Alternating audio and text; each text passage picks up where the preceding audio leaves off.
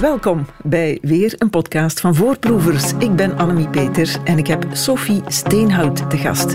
Sophie is een jonge communicatiewetenschapster die onder andere werkt voor de dagelijkse podcast van De Standaard. En nu heeft ze er een voor VRT Max gemaakt, een podcastreeks zelfs over angst. Club Angst is de titel. En ik heb het met haar over podcast, club en angst. Voorproevers. Waar waren we gebleven? Pa en Ma Steenhout die gaan van groot nut blijken bij het oplossen van het fileprobleem van mijn gast Sophie Steenhout. In plaats van in mijn studio zit Sophie, is op weg naar Pa en Ma thuis in Aalst. En ik ga even de lijn testen. Dag Sophie. Hey, dag Annemie. Je was tien minuten van huis, hè? tien minuten geleden. Je bent er nog niet geraakt. Nee, ik ben er nog niet geraakt. Dus ik heb mij eventjes aan de kant gezet om uh, al te kunnen inbellen. Um, maar ben dus nog steeds onderweg naar mijn ouders. We zullen het met de lijn voorlopig moeten doen. Hè? Het komende uur misschien wel. Je geraakt niet meer in Brussel. Vertel eens over de toestand op de E40. Ja, uh, ik heb geen idee wat er is gebeurd, maar het is dus uh, een monsterfile. Um, dus we hebben ons toch kunnen net afrijden op, bij Erpenmeren, waar dus gelukkig mijn ouders heel dichtbij wonen. Um, maar uh, ja, ik heb geen idee wat er is gebeurd, maar heel veel file. Een verlies van lading, anderhalf uur file. Je bent niet aan het liggen, je, bent, je hebt geen uitvlucht gezocht. Het is even door mijn hoofd gegaan, wil je dat geloven? Dat je te bang was, te bang om te komen en dat je een file hebt verzonnen. ja, dat is, ja. Maar ik, dat is misschien moeilijk om te liegen tegen iemand die werkt bij de radio, denk ik. Hè? Die ja. misschien zo inside information heeft. Maar wat doet dit met jouw angst? Wel, het was even toch wel uh, stressje. Maar uh, ja, ik heb dus uh, gelukkig mijn vriend meegenomen, die dan ook uh, wel allee, gezorgd heeft voor mijn hoofd cool te houden. En ja, het is, het is wat het is natuurlijk. Hè. Ja. Het is makkelijker om dat te aanvaarden dan ja, dat heb je intussen geleerd. Angst, hè, ik zou ook schrik hebben hè, dit, in dit geval. Ik zou ook bang zijn dat ik het niet zou halen. Dat ik mijn kans zou verkeken hebben om reclame te maken over mijn podcast. Ik heb ook angst dat gasten niet zullen komen opdagen in de studio. En kijk, het is de rechte angst. Van de energierekening in de bus ben ik ook bang. Van hardrijders in de auto. Van de stijging van de temperatuur. Van boze of gemene mensen. Van al die dingen ben ik bang. Dat is terechte angst, denk ik. Dat is misschien zelfs nuttige angst, lees ik. Want je gaat erop anticiperen, je kan erop reageren en soms helpt dat. Maar het is niet het soort angst waar jij het over hebt in je podcast. Nee, klopt. Ja. Nu, de angst om uh, inderdaad op tijd uh, op het interview te geraken was zeer terecht.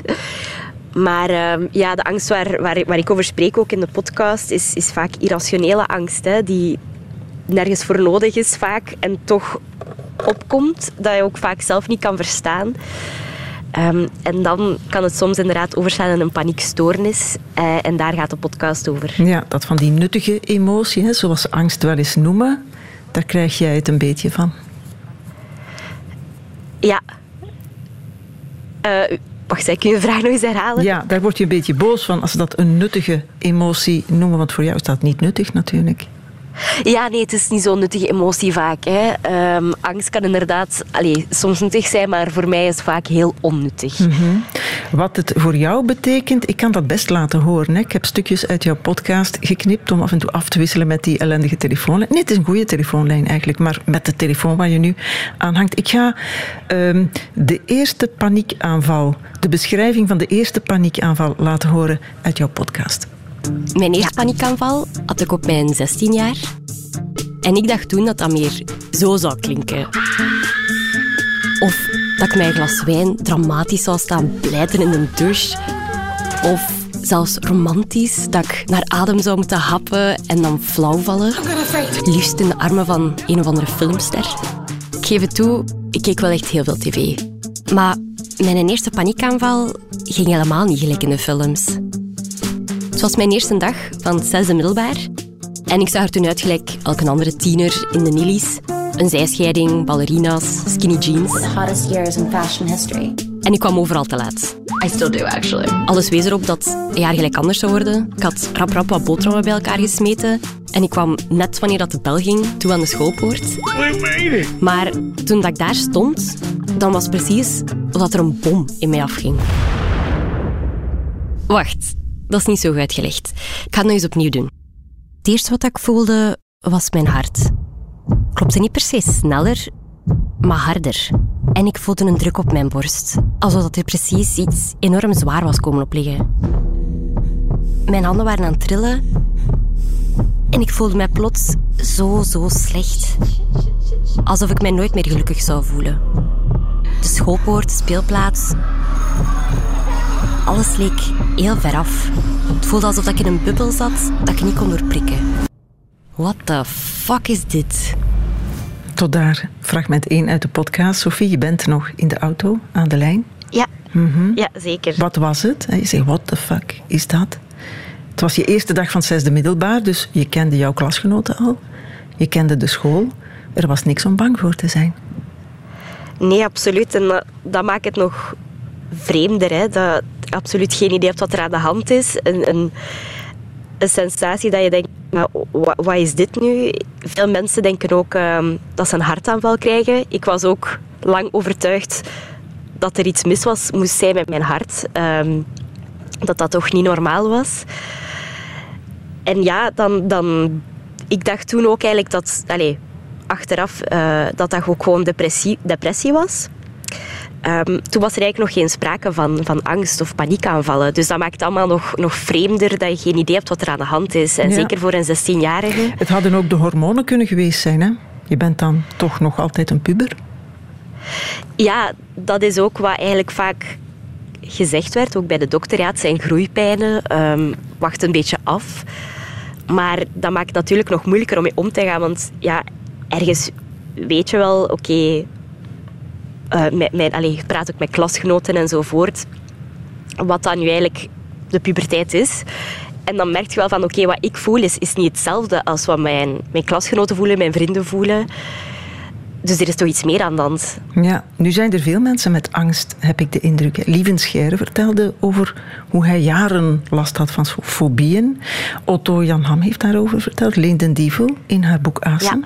Jens den Donker, nu heb je Pedro Elias en zijn angst om ziek te worden, om iets te hebben. Dat zijn BV's, hè, die krijgen voor, maar hoe belangrijk zijn die voor jou geweest? Ja, ik denk dat dat toch ook niet onderschat mag worden. Eigenlijk hoe belangrijk dat, dat is om ook BV's te horen praten over, over die, die, die angsten. Ehm, als er iemand ernstig ziek is, wordt het ook vaak bericht in de media. Maar over angststoornissen ja, werd dat toch vroeger niet echt veel verteld. Alhoewel er toch heel veel mensen zijn met een angststoornis.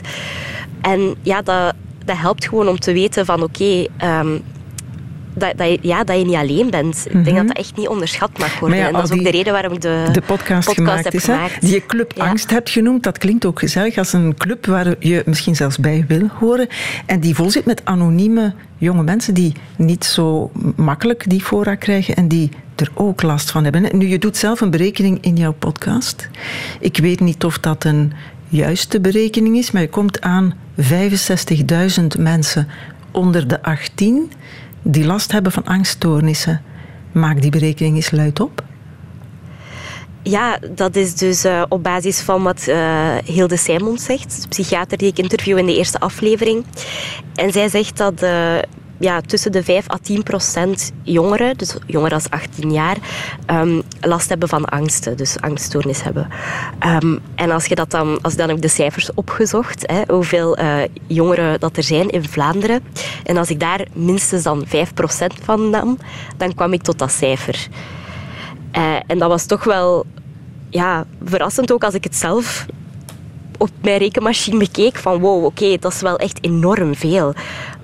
Maar terwijl ik dan de podcast verder maakte en met meer en meer mensen sprak, leek me eigenlijk vrij logisch, dat cijfer.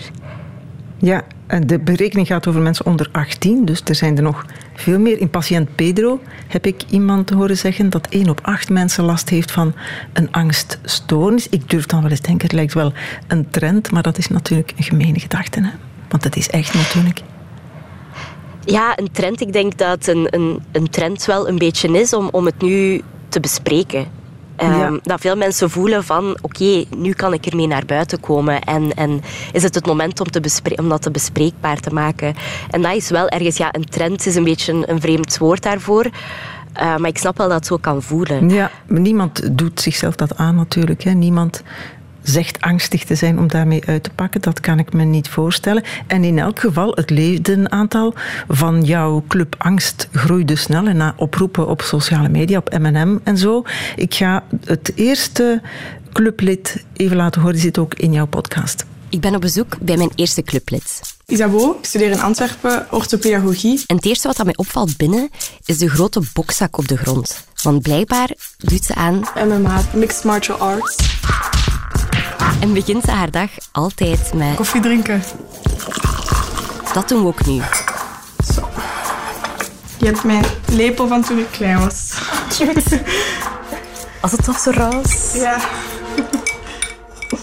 Ehm, mijn eerste paniekaanval moet zijn rond mijn 16 jaar. Herinnert jij nog wanneer dat je je eerste echt zo'n paniekaanval had? Ja, en ik had echt geen idee wat dat was. Ja. Ik zat nog in het zesde middelbaar, denk ik. En mijn examens, dat was niet hoe dat normaal moest zijn, want dat was midden in coronatijd. Dus de lockdown begon en dus alle lessen waren anders. En ehm, dat zou bepalen of ik door zou zijn hè, voor mijn A-test. En dat was wel veel stress. En toen dat ik met mijn vriendin, ehm, eigenlijk wanneer ik zou moeten studeren op dat moment, ergens op een bankje zat, dat kreeg paniek. En dat was zo'n opwelming van zo warmte in mijn lichaam. En ik zei dat ook tegen haar, van ik voel me niet goed. En ze keek geschrokken naar mij, want achteraf zei ze mij ook van, ja, ik kon dat keihard zien aan je gezicht, dat jij, dat jij, jij werd helemaal rood. En, ehm, nee, ik wist niet dat het een paniekaanval was, want ik denk, een paniekaanval, ah, dat is hyperventileren of zo, of weet ik veel. Maar dat was dus gewoon allemaal intern zo. Ik wil het eerst, Sophie, even hebben over het begin van dit fragment.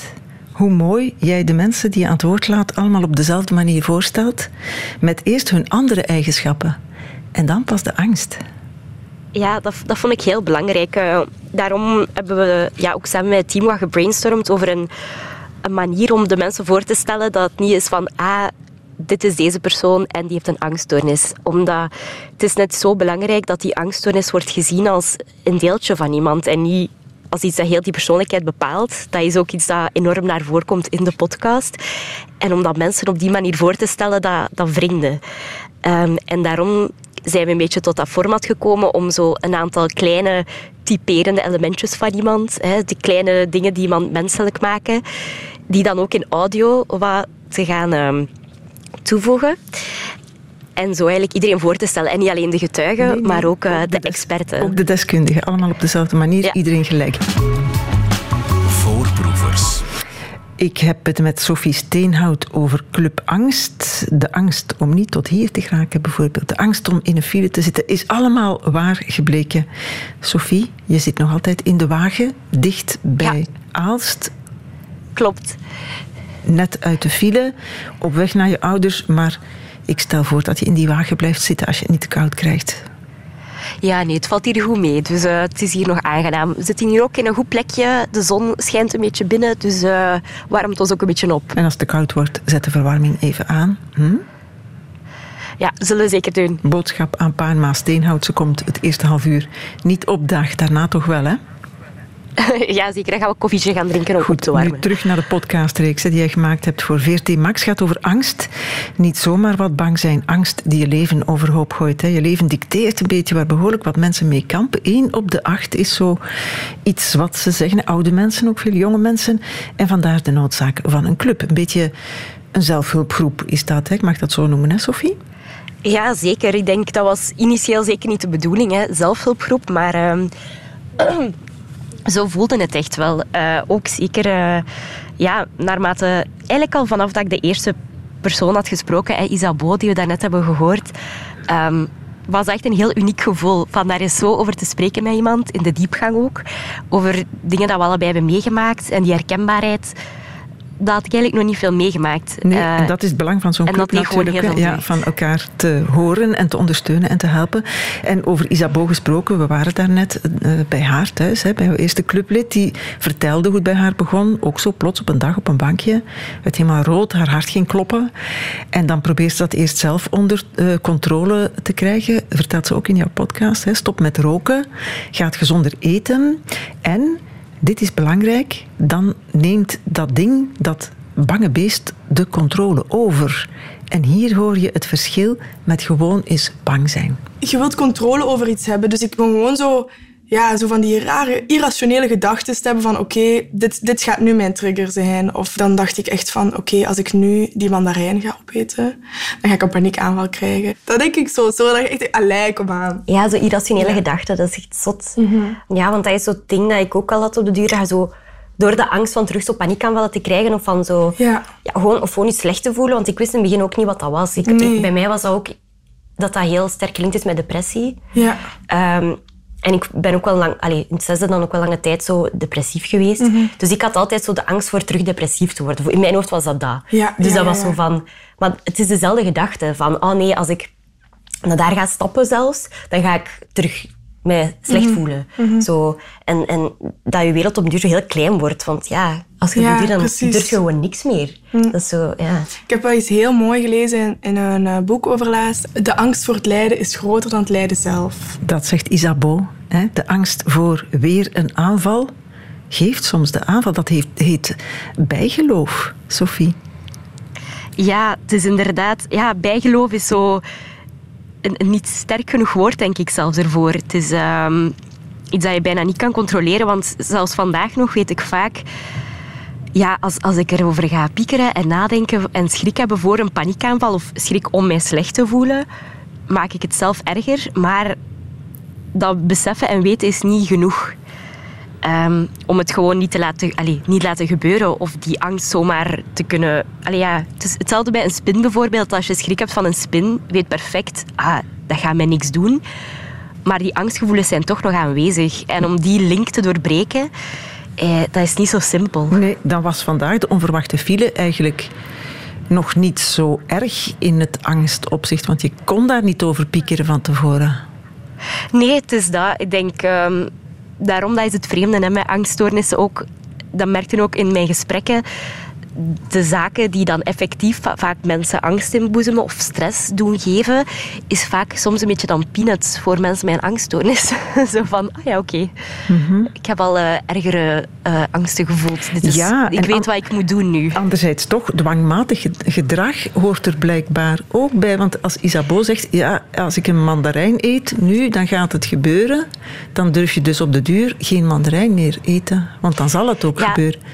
Dat is het gevaar van, van eh, bij een angststoornis, het vermijden. Ehm, en dat is een, een heel ja, slippery slope eigenlijk. Ehm, dat je soms, ook soms is het makkelijk om dingen te vermijden waar je schrik voor hebt. Bij mij was het ook op een bepaald punt om op reis te gaan. En dan begin je zo smoesjes te verzinnen van ja, dat hoeft eigenlijk niet. En ik ben eigenlijk wel gelukkig hier en ik hoef niet op reis te gaan. Maar als er dan meer dingen bij komen enzovoort, ehm, maakt je eigenlijk alleen de angst erger.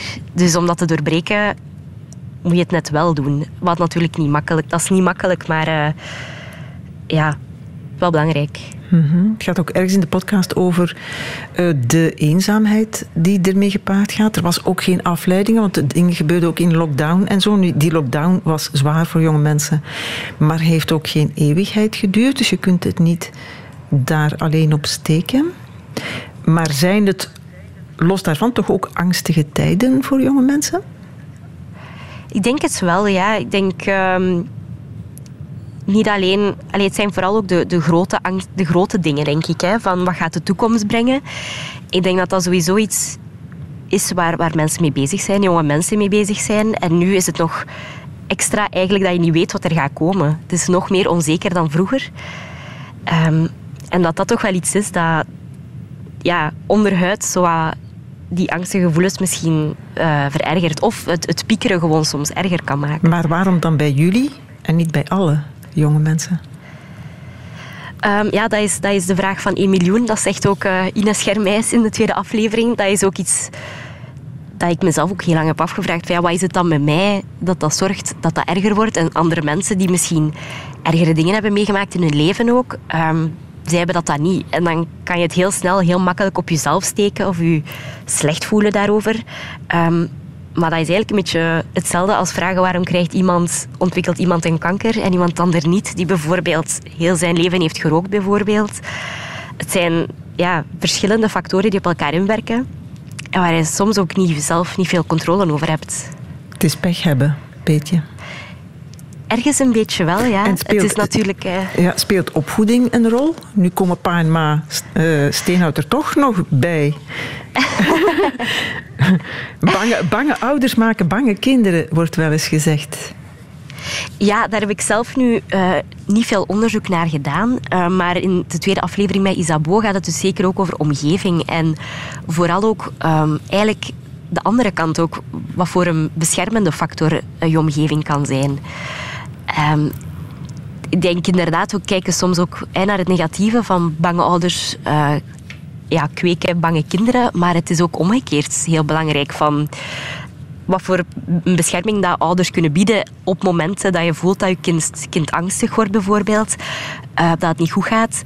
Dat is bij mij ook enorm het geval geweest. Dat mijn ouders mij heel hard hebben opgevangen en ook ja, hulp hebben gezocht voor mij. En mij wel het gevoel hebben gegeven van het komt wel goed. En jou het ook is het gevoel hebben gegeven waarschijnlijk van we nemen dit serieus, we lachen het niet weg. Ja, wat heel belangrijk was. Ja. Daarvoor is clubangst natuurlijk ook belangrijk. Hè? Al die andere mensen, niet alleen je ouders, ook goede vrienden. Jij noemt ze ontrafelaars, ergens Ja. in de podcast. Het was eh, Isabeau die dat woord had gebruikt. Dat vond ik enorm mooi. Want zo voel het inderdaad ook wel vaak. Hè. De, soms het aftoetsen met de realiteit een beetje. Van oké, mijn hoofd zegt het tegen mij. Klopt dit wel? Ehm, is ook een tool dat in therapie wel vaak wordt aangeleerd. Hè, van, van, zeker bij sociale angsten. Kunnen soms denken, ja, niemand vindt mij leuk. Of die persoon denkt dat. Of die persoon denkt dit over mij. Ehm, het aftoetsen met realiteit laten ontrafelen door de mensen rond u is echt, ja, kan heel veel helpen in zo'n situaties. Dan moet je het op het werk eigenlijk ook zeggen. Want daar, daar zul je ook wel eens last hebben van angst en paniek. En daar zitten ook mensen die het dan moeten of best zouden begrijpen. Dat is inderdaad eh, een moeilijke ook, denk ik. Ehm, heel afhankelijk van persoon tot persoon ook. Als het je net meer zelfbewust maakt bijvoorbeeld, of, of dat, iets, ja, dat iets hebt van dat is voor mijn privé en niet op mijn werk, dan kan je het ook gewoon voor jezelf houden natuurlijk. Ehm, het gaat een beetje over, denk ik, hoe, ehm, wat versterkt uw angsten en wat vermindert het? Bij mij vermindert het enorm als ik weet dat de mensen rond mij dat weten en daar meer informatie over hebben gekregen van mij. Dat verlaagt het risico dat ik mij angstig ga voelen of een paniekaanval ga krijgen. Ja, en zo'n ontrafelaar op jouw werk heet Stef Leenaerts. Die zit ook in jouw podcast. Die heeft mee de podcast gemonteerd ook. En ik ehm, ga hem even laten horen. Eerst jouw standaard introductie. Mijn naam is Stef Leenaert, ik ben 29 jaar Tijdens het werk heeft hij maar één gewoonte. en dat is gewoon elk uur opstaan en een sigaretje gaan roken. mother know about this? Maar naast zijn werk doet hij meer sportieve dingen. Ik ga drie keer per week klimmen, zowel in de klimzaal als op de rots. Stef had toen hij begon nog geen last van angsten. Het liep ook goed.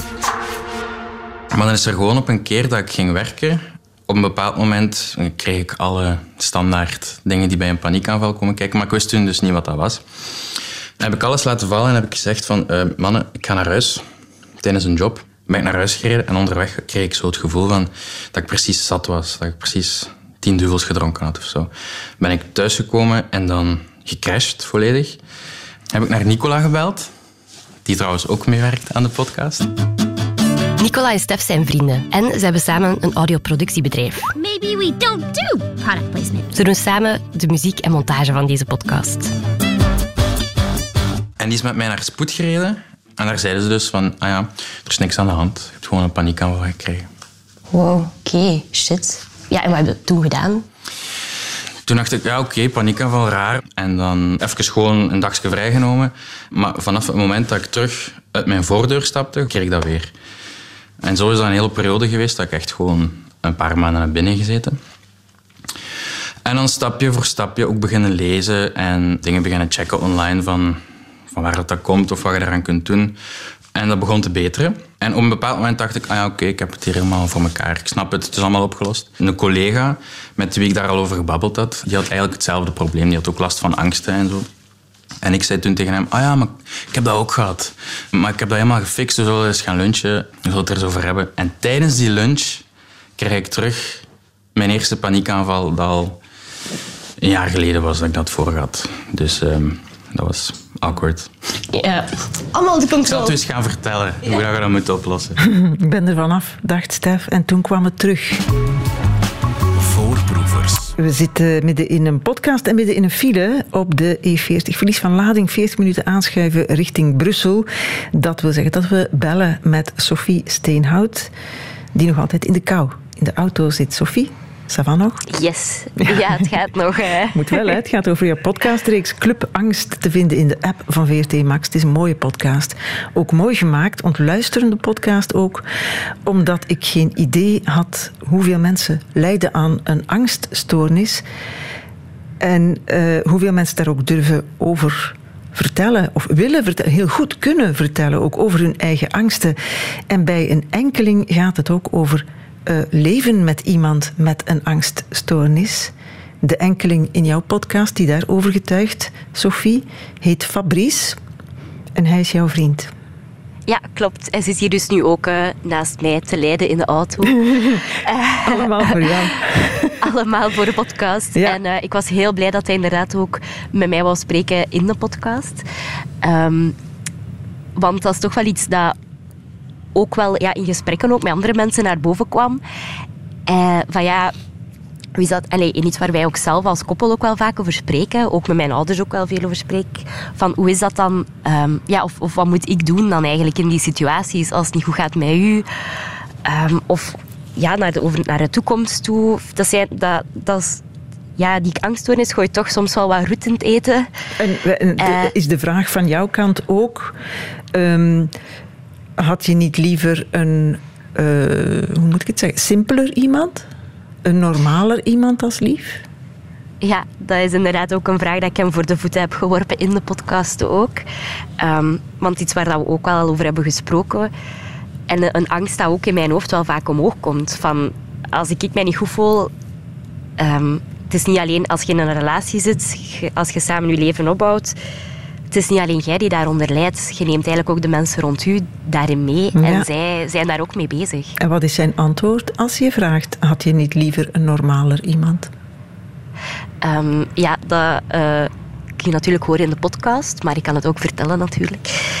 Um, hij zegt ja, dat, uh, dat hij dat eigenlijk... Voor hem is dat geen...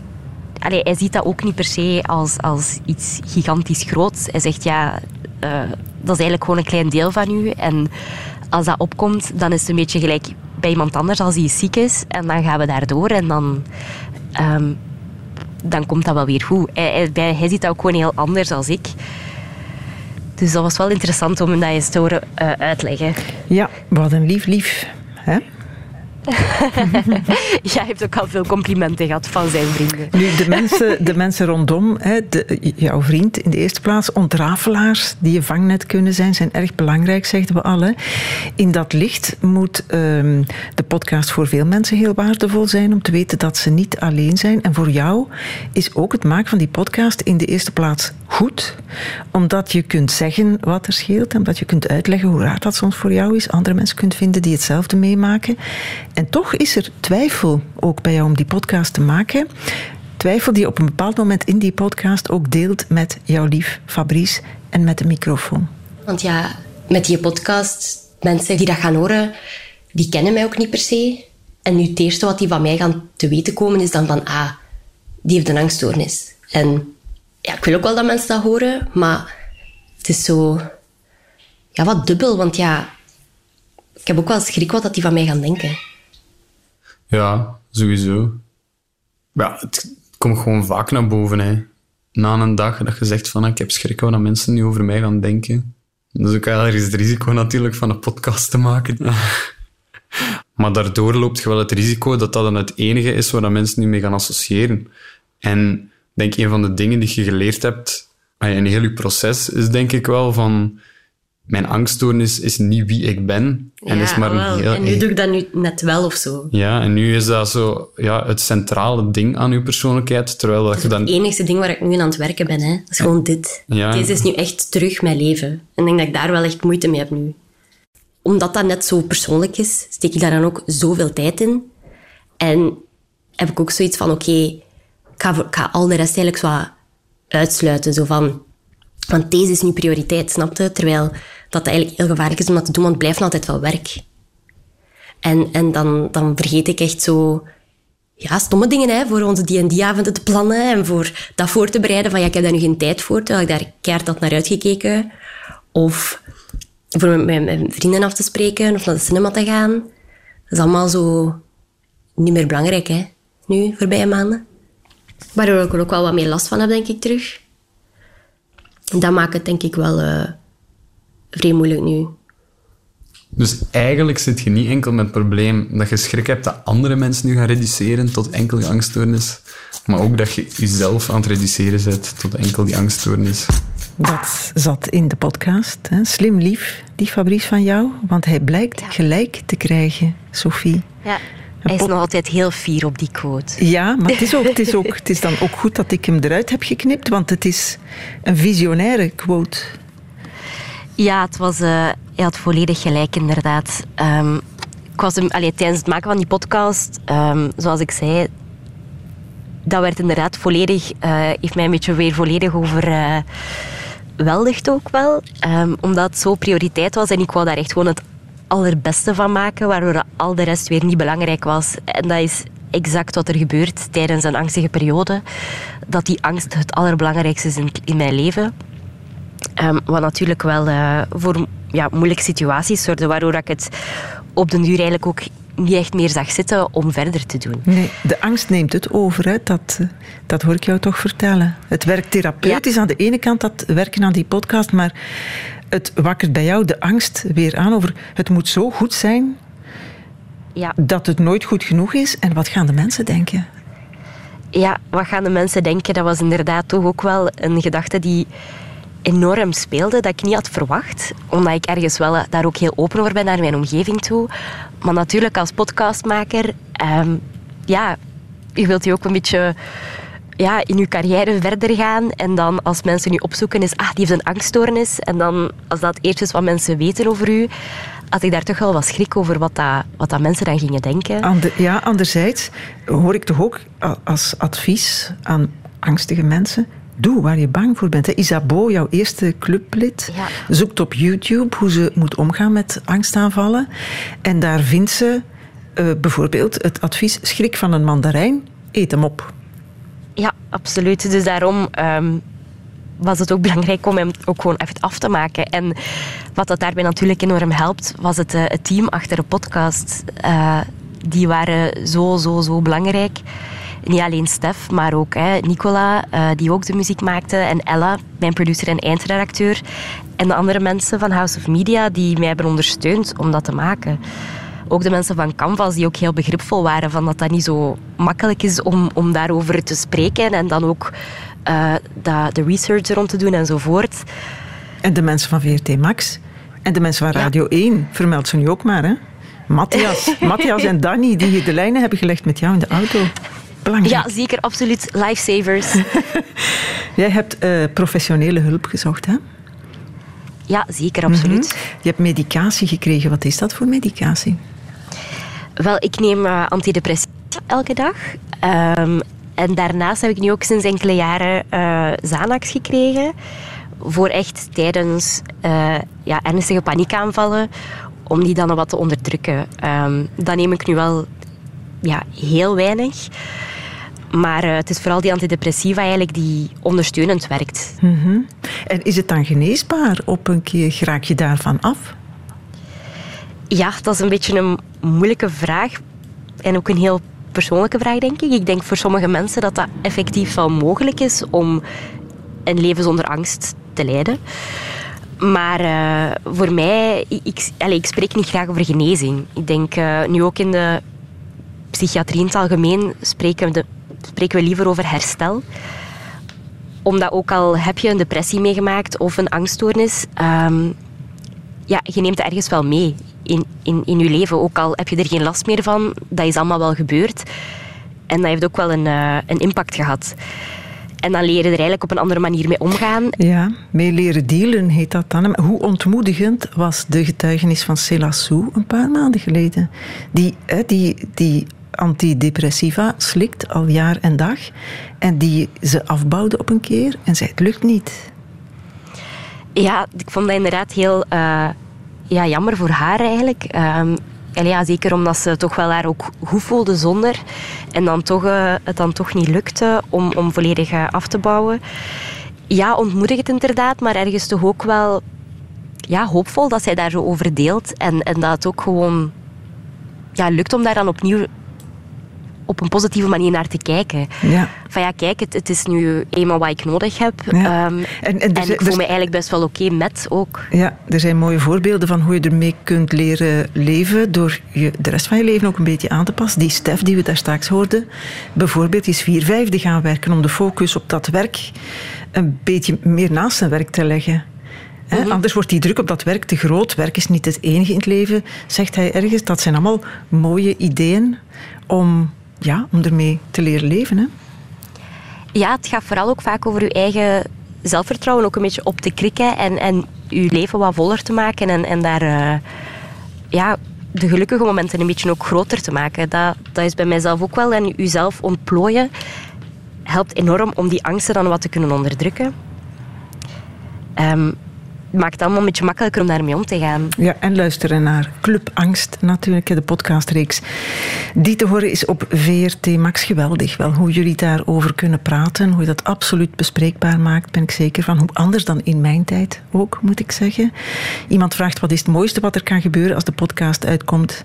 En jij zegt dat er een maatschappelijke revolutie wordt ontketend. Iedereen hark en fakkel pakt en dat soort dingen. Iedereen op straat komt. We zullen wel zien. Ja. Zwart. Waardevolle podcast voor mensen met angststoornissen en voor mensen die leven met mensen met angststoornissen. Dankjewel, Sophie Steenhout, voor de hele, het hele uur. Dat is heel graag gedaan.